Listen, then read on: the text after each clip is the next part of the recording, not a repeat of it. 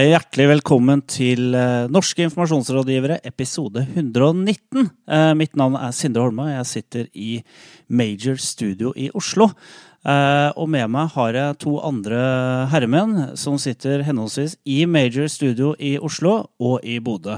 Vi begynner lengst nordøst. Jeg heter Marius Staulen, og jeg sitter i Bodø. Det stemmer. Det stemmer.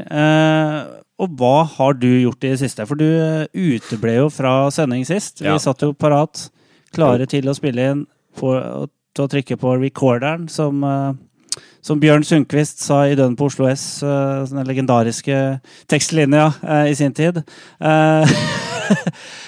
Hva har du drevet med, rett og slett? Spør jeg nå. Uh, nei, altså det har jo vært jobbting, først og fremst, som gjorde at jeg ikke kunne være med her. Uh, og så, uh, deretter, så kom jo godværet omsider til Bodø. 5. august så får vi en melding på Twitter fra Meteorologisk institutt. Altså ikke alle innbyggerne i Nord-Norge, men, men, jeg leste på Meteorologisk institutt sin Twitter-feed. Gratulerer til Bodø med årets første sommerdag. Altså ø, over 20 grader. Og de siste, neste to, nesten, nesten de siste to ukene så har vi hatt fantastisk vær. Eh, og det har hatt voldsomme konsekvenser for mitt liv på mange felt. Um, det er jo sånn at uh, Når det er veldig bra vær, så må man gjøre husarbeidet, altså det man skal gjøre utapå huset, og for mitt vedkommende så betyr det at jeg må male trappa. Så jeg maler trapp. Men etter at jeg maler trapp, så har jeg ikke lyst til å gjøre noe mer. Altså, Da har jeg lyst til å nyte sola, kanskje ta en pils, dra en tur på havet. Um, og jeg har gjort alle de tingene der med det resultat at leiligheta mi ser helt forferdelig ut akkurat nå. Du gikk i trappa rett etter at du malte den, du. Det skal du ikke gjøre. Du skal holde deg helt i ro. Sitte i sofaen og vente til malinga tørker. Ja, men jeg malte meg ned, og så dro jeg ut på havet, og så kom jeg tilbake. Det var sånn høvelig tørt. Og så var det på'n igjen da dagen etter. Dette her er ikke gjort på én dag. Um, og, og, jeg malte meg ned og dro ut på havet. Velkommen til uh, Marius Torkelsen. Du sitter jo her uh, i Major Studio. Uh, jeg sitter parat. Og er taletrengt, hør, Venter på å få lov til å si ord. Mm. jeg har tatt på meg finstasen, klipt meg, og er nå klar til en ny episode med NIR. Lenge siden sist, altså. Ja. Jeg har òg klippet meg siden sist. Ble du fin? Ja, jeg vil si jeg ble helt OK. Jeg kan akseptere det. Hvis du skal, skal beskrive sveisen din uh, basert på en kjent person, hvem ligner mest på? Um, han uh, Han rare politifyren i The Wire. Han høye i sesong to. Prince Beluski? ja, lærer han i sesong to. Ja, Prince Beluski. Jeg, tar han. jeg vil bare legge til, jeg var ikke helt ferdig å prate. Jeg har, jeg har, heller ikke barbert meg på evigheter, for jeg har ikke tid for at jeg skal være ute i sola eller jeg skal drive og male trapp. Og jeg har heller ikke hatt tid til å kjøpe mat. Sånn at uh, i dag så spiste jeg to wienerpølser uten brød til middag. Hvor stor trapp er du har? Og altså Jeg lurer på hva godvær i Bodø gjør for uh, bruttonasjonalproduktet i Norge. Det må ødelegge forferdelig mye. Folk får fri. Ja, du får fri. Godvær, du får fri. Og alt liksom går i dass. Ja, tenker i hvert fall Bodø-nasjonalproduktet. Tusen takk for en veldig fyldig oppdatering. Det er veldig sjelden du er så snakkesalig. Det er veldig sjelden du spør. Ja, det er det. Åh. Jeg burde spørre oftere. Sorry. Ja, spør bare ja, oftere. Du har brent inne med dette her i, i to år nå. Så ja, snart tre. Skal jeg overta? Ja, overta. Ja. Vi, har, altså vi, skre, vi, brukte jo fem minutter på det her, men vi har jo alltid en sånn introbolk. Og la oss uh, prate om valgkampen som er i gang. Og, Oslo, og, i Oslo så vil Arbeiderpartiet ha flere lærere inn i Oslo-skolen. Og helst så bør disse være bedre i rettskriving enn det markedsfolkene til Arbeiderpartiet er. Ja, fordi Oslo Ap har en kampanje hvor Raymond Johansen eh, fronter kampanjen. Og rundt omkring på Oslos eh, trikker så står det 'Oslo, tøddel S, skolebarn skal få flere lærere'. Og det er jo feil, fordi eh, man skal ikke bruke tøddel foran S, men etter genitivs S på norsk. Og da fikk alle Twitter-kommentarfolka virkelig noe å skrive om, og de kunne si ha-ha, se her hvor teite Ap er, vi kan norsk, det kan ikke Arbeiderpartiet! Eh, og så ble det mye sånn fryde seg-saker, da. Men er, vi vet jo det at alle reklamebyråer i Norge, de kan jo ikke Altså, ingen kan skrive. Så det, her tenker jeg det er reklamebyrået som har gjort en feil, og så har eh, Arbeiderpartiet vært litt sånn dårlig på korrektur. Og så syns jeg sånn typisk Jeg syns jo dette er liksom litt sånn type sånn eh, tidsånd-typisk eh, eh, VG-sak. Det er liksom Journalisten henger seg opp Det er sånn finn en feil-type journalistikk. da, Hvor man går rundt og prøver å finne sånn småfeil, og så gjør man en stor sak av det. Snakker med språkforskere og selv om jeg ser poenget med liksom, her skal man snakke om skole, og da er det viktig at ting er stav, stava riktig. Eh, og, og det er jo bare tull, men det er jo en sak som er artig fordi det er liv og lære og sånne type ting. Selv om jeg syns det, jeg synes det mest irriterende som finnes, er folk som påpeker åpenbare skrivefeil. Eh, eller et snakkefeil. Eh, Talefeil. talefeil og for og da og alt sånt syns jeg er kjempeirriterende. Fordi jeg er så dårlig på det selv. All right. Så vi lar den ligge. Eh, denne uka har reklamebyrået McCann gitt bort ideer på Facebook, og podkast-kjendis Sindre Holme er blant dem som har fått hjelp. Jeg ble litt satt ut av akkurat den eh, tituleringen der. Men eh, ja, det, jeg tenkte jeg skulle gi et forsøk. Jeg, dere vet jo det at jeg har vært irritert over rektoren på min datters eh, skole, som da bruker i forhold til i annenhver setning, og ti av ti ganger så er det feil. Det har aldri vært riktig brukt. Så jeg sier dette til McCann Oslo, dette kreative teamet som da skal løse problemer, små og store problemer for folk denne uka. Så så spør jeg hva gjør jeg for å liksom si ifra på en fin måte uten å liksom forsure forholdet mellom hjem og skole, og så risikere, at- risikere at jeg liksom blir bannlyst på neste foreldremøte. Så de foreslår at jeg skal lage en liten brosjyre eh, som, er, som er veldig fint utforma, hvor det står 'Gjør en forskjell. Ni av ti barn tar med seg språkfeil ut av barneskolen'. Du som jobber i skolevesenet kan påvirke barna kun ved å snakke korrekt. Bli en korrekt rektor. En korrektor i dag. Eh, og, så, og så står det, det litt sånn, eh, litt sånn uh, subtilt på en måte. Les om i forhold til feilen og ni andre typiske språkfeil. Uh, og det syns jeg var en ganske smart løs, løsning, for den er ikke sånn direkte på den derre akkurat den feilen, men sier at dette er bare én av mange feil veldig mange gjør. Eh, og nå kan du også begynne å snakke riktig, kanskje.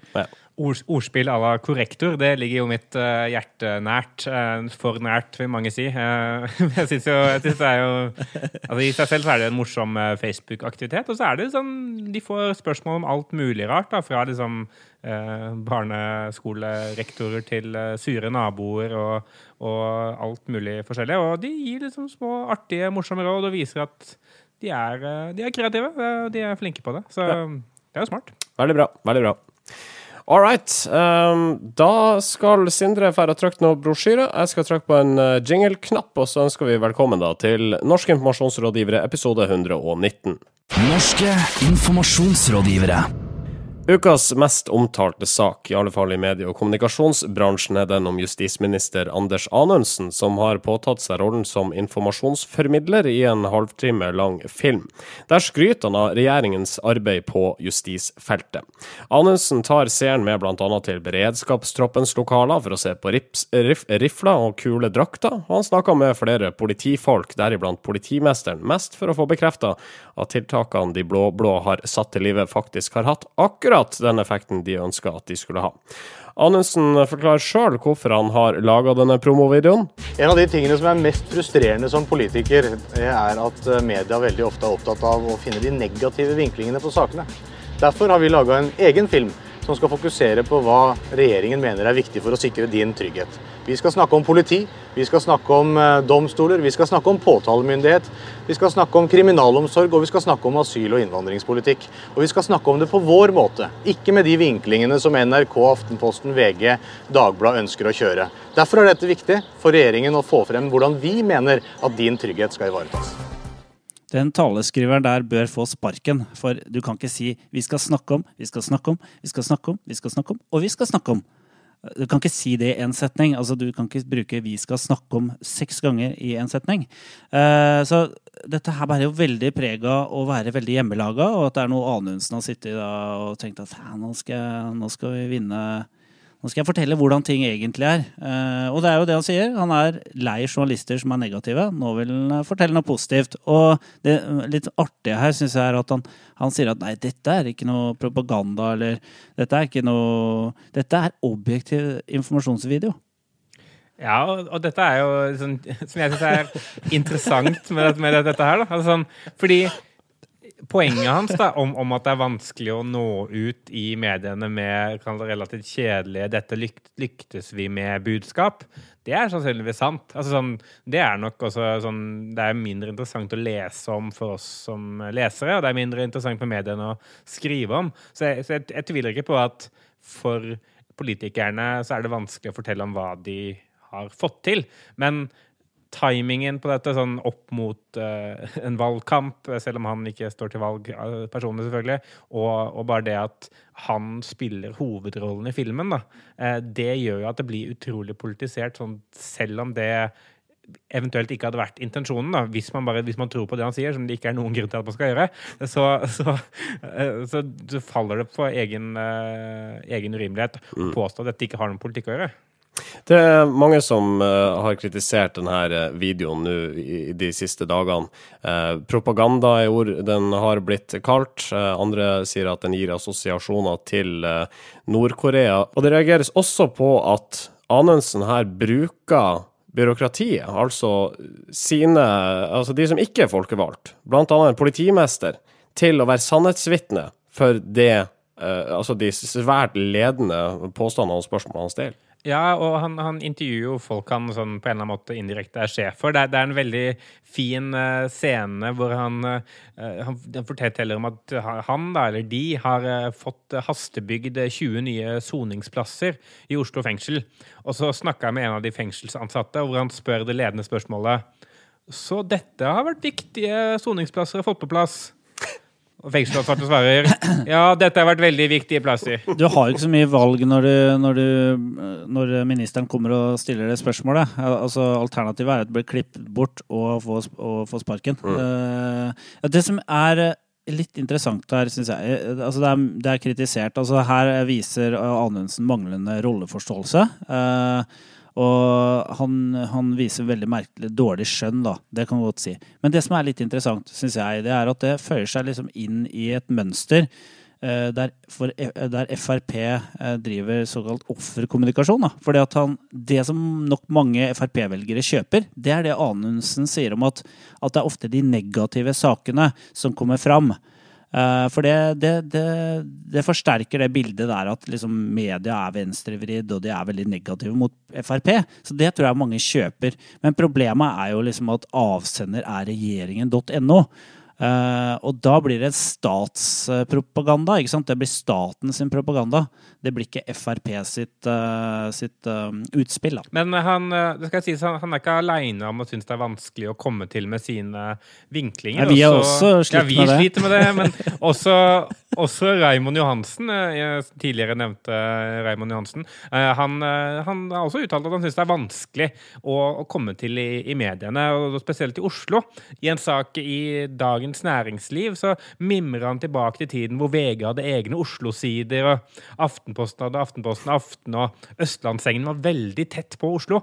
Så han åpner for politisk reklame og mener at det må til i den virkeligheten vi møter nå som politikere, Tysk, hvor ingen vil høre på oss. Tyskerne marsjerte på Karl Johan og Han har jo et poeng. Du ser jo byrådslederkandidatene til Arbeiderpartiet både i Bergen og Oslo. De har egne videoer, sånn korte Facebook-vennlige 30 eh, sekunders videoer eh, som de driver og uh, distribuerer.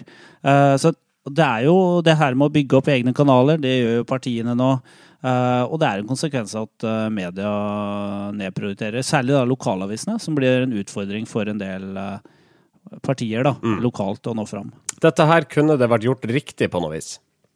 Jeg tenker kanskje hvis, hvis det er genuint at de ønsker å fortelle liksom, hva departementet har fått til, da, så kunne man kommet unna det ved å latt en helt annen person være avsender. Da. Altså en, en, eh, person som ikke er politisk, en person som bare eh, jobber i departementet og tar med folk på en reise rundt. Da kanskje blitt litt debatt rundt det, men ikke i nærheten av det samme. Da tror jeg kanskje man kunne nesten blitt uh, hylla for å si at dette er bra informasjonsdeling. og dette er liksom bra, Men med en gang han står fram som både reporter og hovedperson og liksom uh, ledende spørsmålsstillende journalist, så, så går alle, liksom, uh, alle gardiner for, og folk ser bare det og klarer ikke å høre på hva som blir sagt. Ja.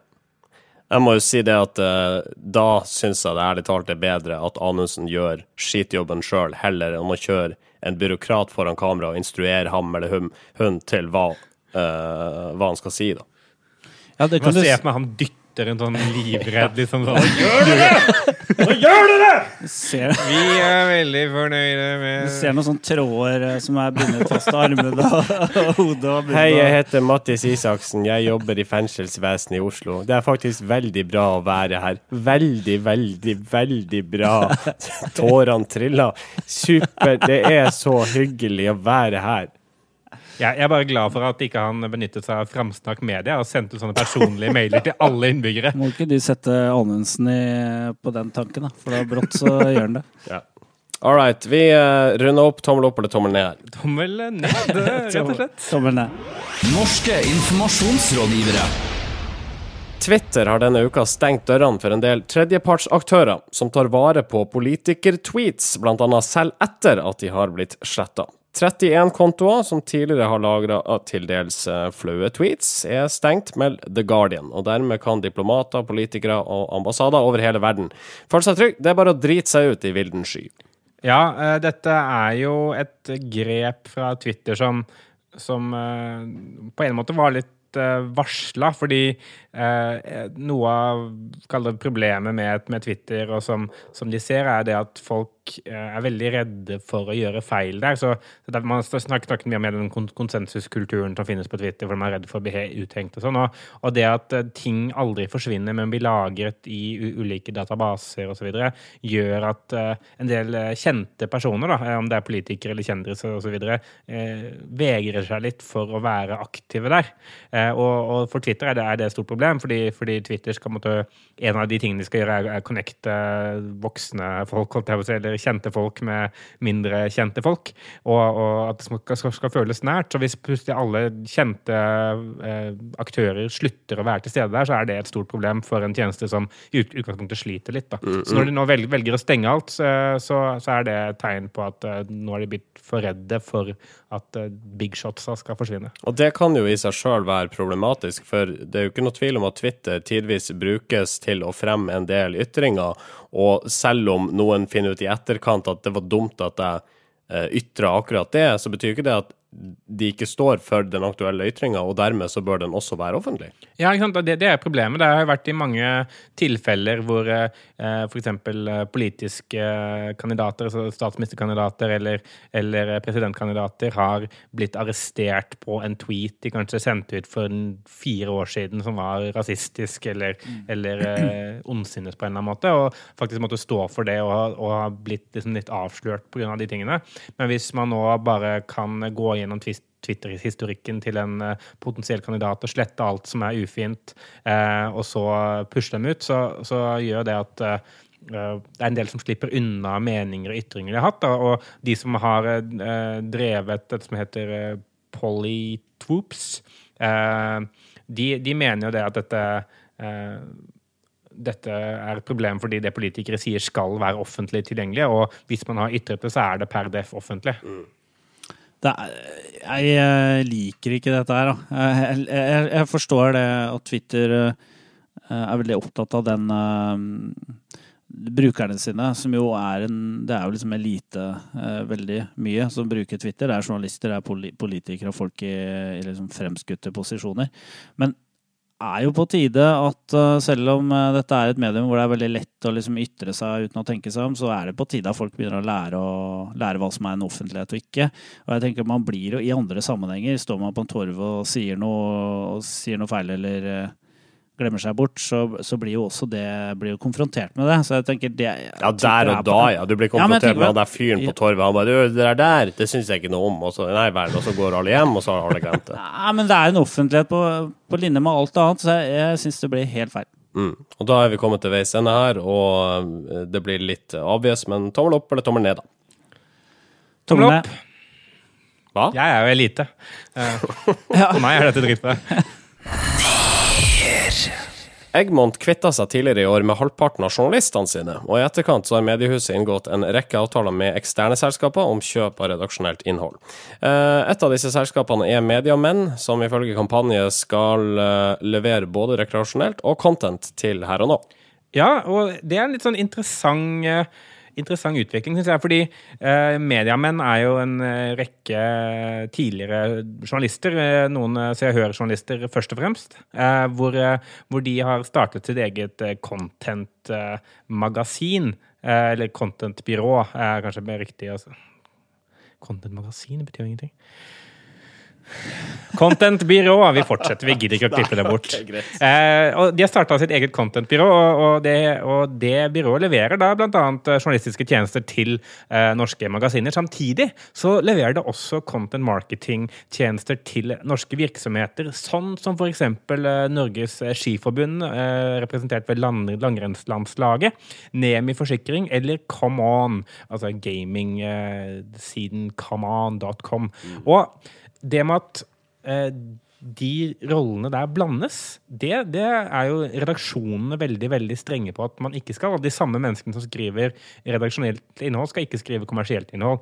Men mediemenn er bare fire personer, så det er helt umulig at de rollene ikke blandes der. Og at det at, altså, kan si at Si og Hør kanskje ikke er, er det verste stedet dette kan eh, skje på, men bare det at altså, det er lett å se for at, at de havner i en eller annen eh, lojalitetskonflikt hvor de både representerer land, langrennslandslaget og Therese Johaug, og samtidig skal skrive saker for Se og Hør. Det er jo lett tilgang på kilder, Derfor. Mm. fall. Nå blir det mye snakk om mediamenn men det er litt interessant også, fordi at de er en eh, gjeng da med veldig stort eh, nettverk. Eh, De kjenner veldig mange kjendiser som de har god tilgang til.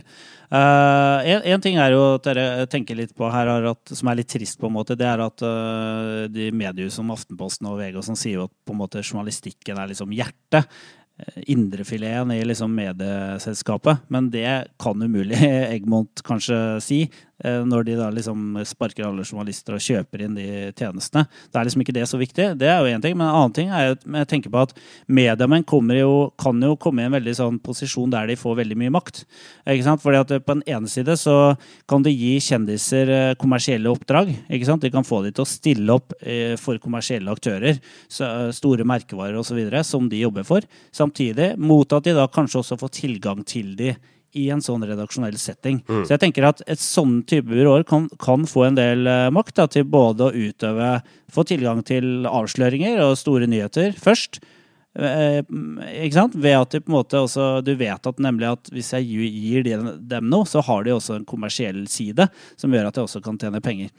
Eh, At kjendisene kan eh, tenke det. Så, så her, det spennende her blir jo å se på de her såkalte content-byråene, av hvilken maktfaktor de, de kan bli, og den tror jeg kan bli ganske stor. Men altså, hva gjelder dette her med content, og jeg ser poenget ditt siden det her i at altså, det ligger alltid en fare i en eller annen form for sammenblanding der, altså om man spiller inn noe sånn redaksjonelt, og så kan det være noen kommersielle interesser bak, men altså kan vi ikke bare lene oss da på redaktøransvaret, eller den enkelte journalists ansvar for å, for å kontrollere altså stoffet du får tilgang på, da?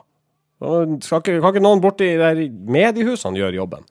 Eh, jo, det, det, man skulle jo tro det. Jeg bare vet ikke hvor, hvor tett man klarer å kontrollere det når man kjøper inn for tredjeparter. Og det kan gå, for alt vi vet, så er sannsynligvis mediamenn også veldig eh, klare på å skille dette. Det er bare eh, unikt eh, at eh, at det finnes aktører som gjør begge deler samtidig. Da, fordi eh, Siden redaksjonene har vært så utrolig opptatt av å skille journalistene som skriver kommersielt stoff, og journalistene som skriver eh, redaksjonelt stoff. Eh, og hvis man da ikke bryr seg om det når man kjøper ting fra tredjeparter, så er det plutselig eh, altså, Det gjør det ikke noe bedre det at det kommer fra en tredjepart. Og det er ikke mediemenn sitt ansvar, det er jo, det er jo altså, redaksjonenes ansvar å passe på dette her, selvfølgelig. Mediemenn mener kanskje de eneste som tør å si at vi driver med begge deler, mens det garantert finnes en del nettaviser der det sitter journalister som tar på seg markedshatten og går inn i andre avdelinger for å skrive en eller annen sak for Norsk Tipping. Ja, eller, eller bare eller i hvert fall sånn at de, at de blir spurt kan, kan du ikke se på denne overskriften her, eller denne ingressen? Altså, Jeg vil, sånn. jeg vil i hvert fall tro det er det i de små redaksjonene, de, de mindre lokalavisene. eh, hvor de der såkalte vanntette skottene nok uh, er litt uh, mindre. Det er vanntette skott også her, men vi har da luker. Men vi sitter jo i åpent kontorlandskap, så det er ikke så mye vanntette skott lenger.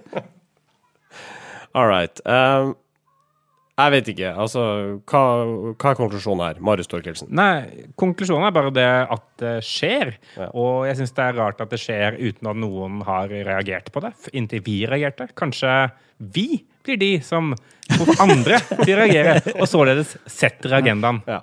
Du hørte det først her hos NIR. Vi går videre. NIR. Ok, gutter. Nå skal vi lage slagord for Ratlaberg kommune. Kjør på. Det er koselig å være ratlaberger. Nei. Det er hyggelig å være ratlaberger. Nei. Det er trivelig å være ratlaberger. Der har vi den. Veldig bra. Slagordsjekken. Slagordsjekken. Den uh, eh, det her innslaget her, det lever fortsatt på litt lånt tid, for det det, det har vært en noe forvirrende reise gjennom de kommunale slagordene, det må jeg innrømme. Men Sindre, eh, i korte trekk, hva er dette her for noe? Dette er jo en uh, spalte hvor vi uh, dissekerer norske kommuners uh, selvskryt. hvor vi ser hva sier de om seg selv, og, og prøver å konkludere med om det stemmer. om de har belegg for de honnørordene de sprer om seg eh, i form av slagord. Det er jo sånn at eh, det er over et hundretalls norske kommuner som har kjøpt slagord fra en eller annen konsulent. eh, en eller annen omreisende PR-rådgiver som har banka på, på rådhus i, i land og strand rundt. Uh, så vi vil egentlig se litt på er det, er, Har det noe for seg, det de sier om seg selv? Og da bruker vi da medieoppslag som eh, en slags eh, uh, lakmustest. Ja, og vi kan vel eh, si såpass at metodikken her er jo eh, høyst tvilsom. Du velger vel i all hovedsak ut en tre-fire saker, og så ut ifra det så konkluderer vi da rundt hvorvidt eh, kommunen har dekning for sine påstander i slagordene. Nei, dette er en, uh, dette er en objektiv informasjonsspalte. All right. Hvilken eh, kommune er det vi tar for oss i dag, og hvilken Ja, denne, denne uken skal vi til eh, Sogn og Fjordane og kommunen Bremanger. Det er en kommune med, med tusentals innbyggere, og den har tatt slagordet 'Trivselskommunen ved havet'. Ja.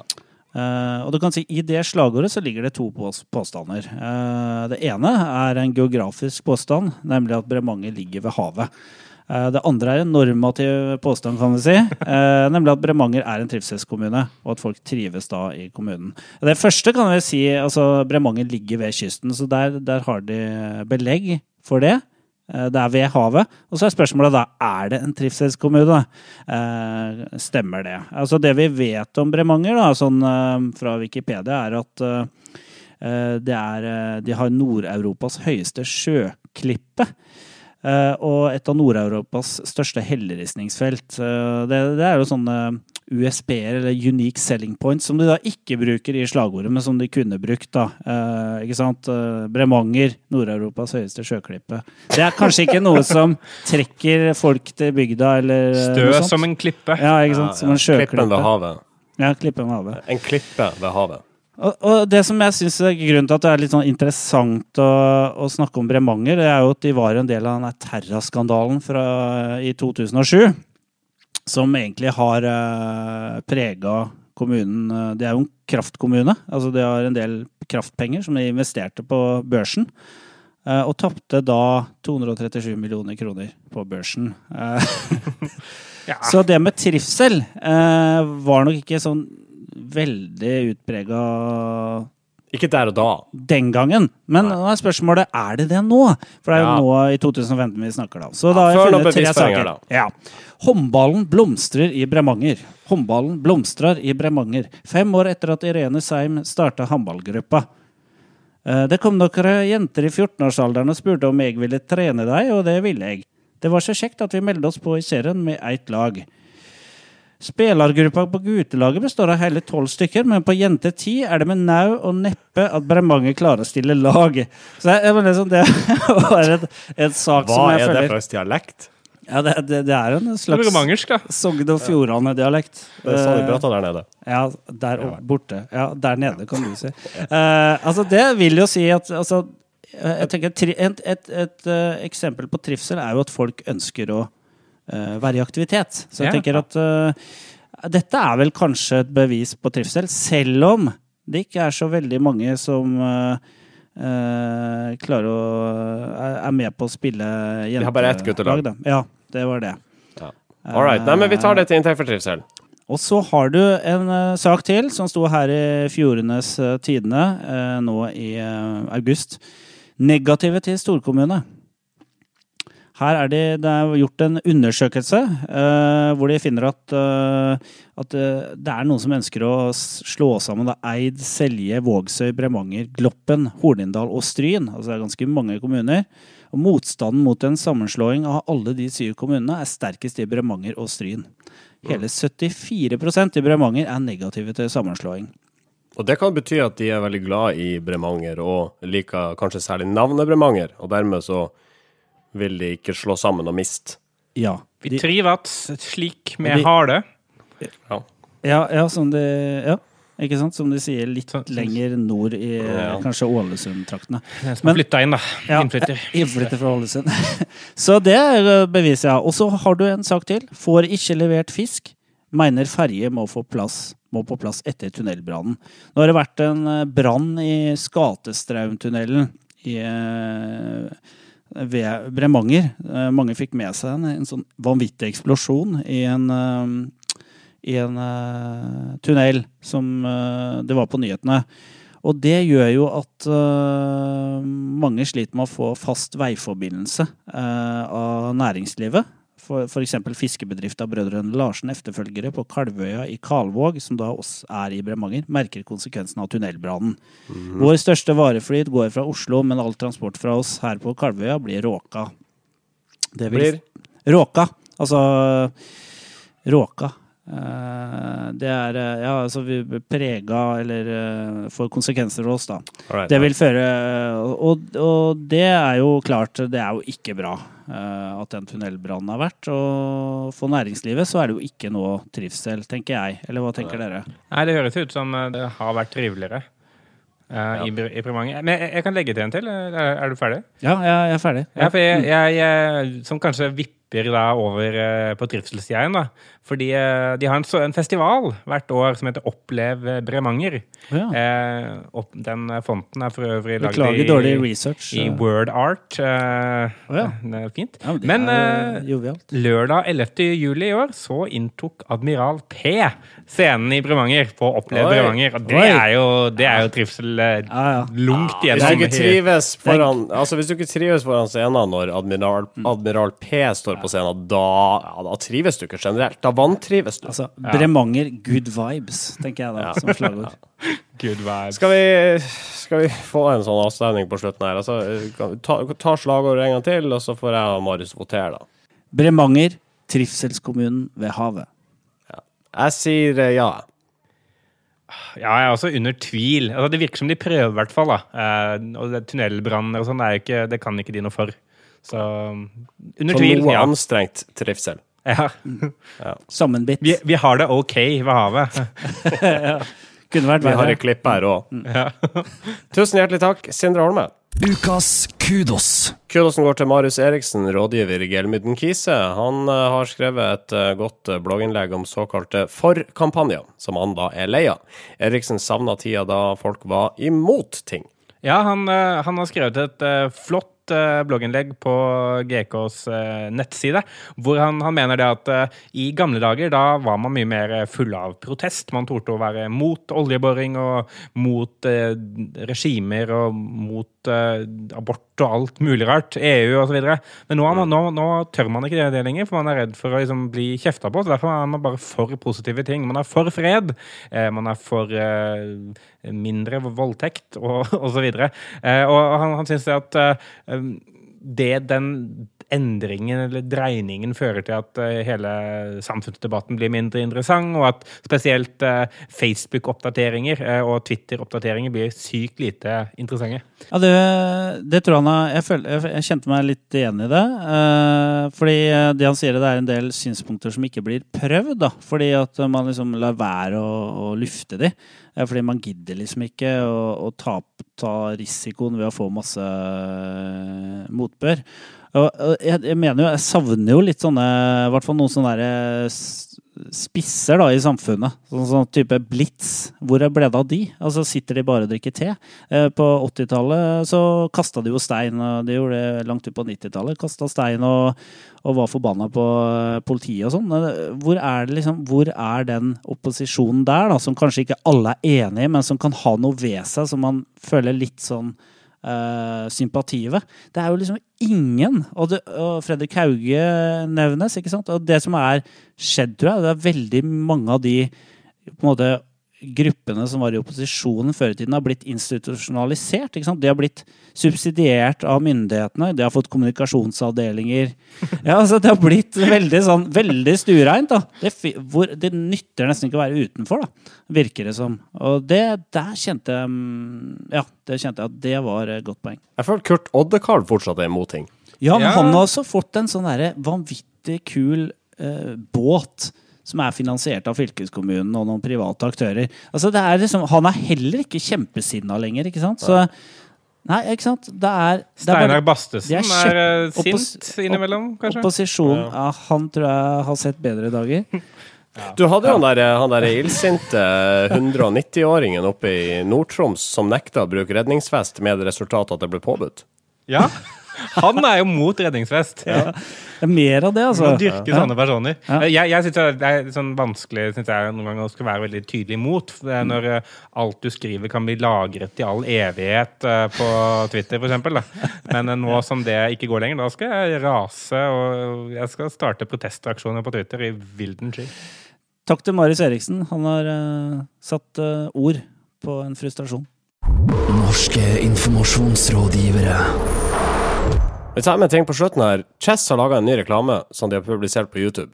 Og den reklamen den følger akkurat samme med Amalen som reklamen til forsikringsselskapet Geico, som vi har omtalt her i NIR tidligere. Geico eh, fikk jo priser i Cannes og lagde en fantastisk eh, fin eh, serie med reklamer. Ja, og vi kan høre på en av de. Det kan vi gjøre. Don't thank me. Thank the savings. Can't skip this Geico ad because it's already over. Geico. 15 minutes could save you 15% or more on car insurance. Og etter dette her så, så pågår reklamen videre, men det er ingen som sier noe. Det er bare en hund som drar og spiser uh, spagetti av et kjøkkenbord. Ja.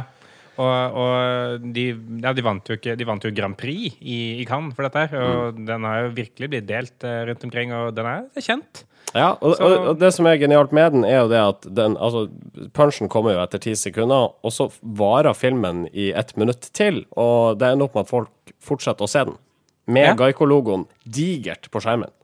Mm, ja, den er veldig, det er utrolig smart uh, mekanikk. Ja. Og så kommer Og Chess. og- ja, og det er nettopp det som jeg syns er viktig. For det er, når du lager en sånn mekanikk, så er du den eneste som kan gjøre det. Hvis noen andre prøver seg da, må gjøre det samme, så bli, må det bli en kopi. Ja, la oss høre.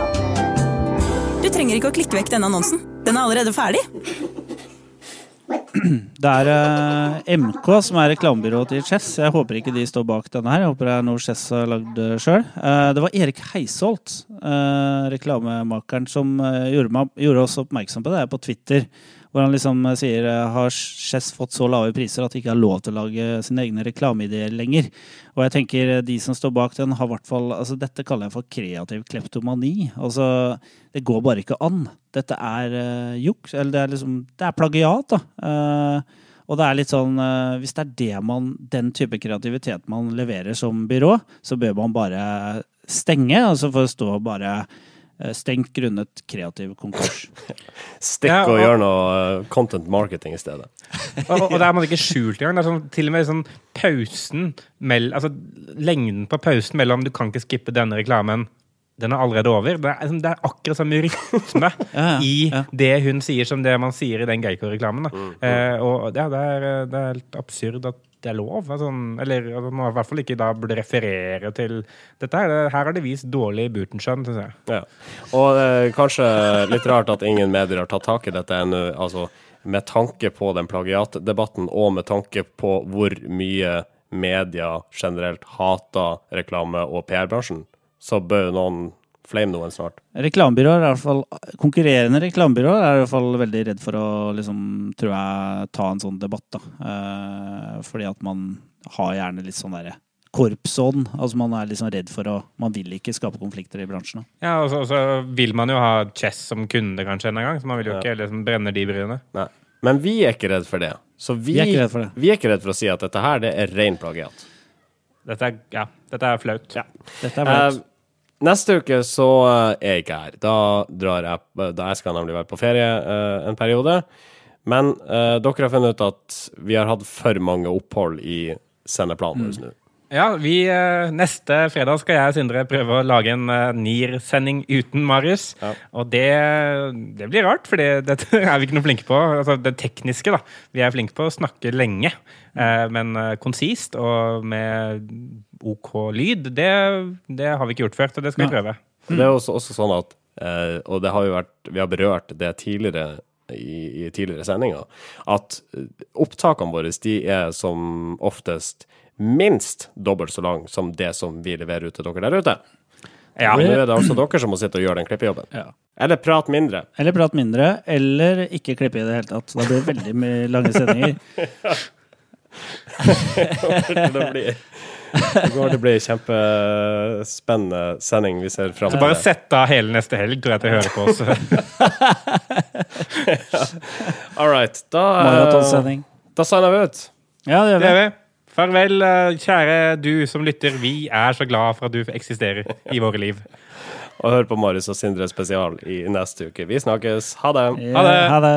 Norske informasjonsrådgivere.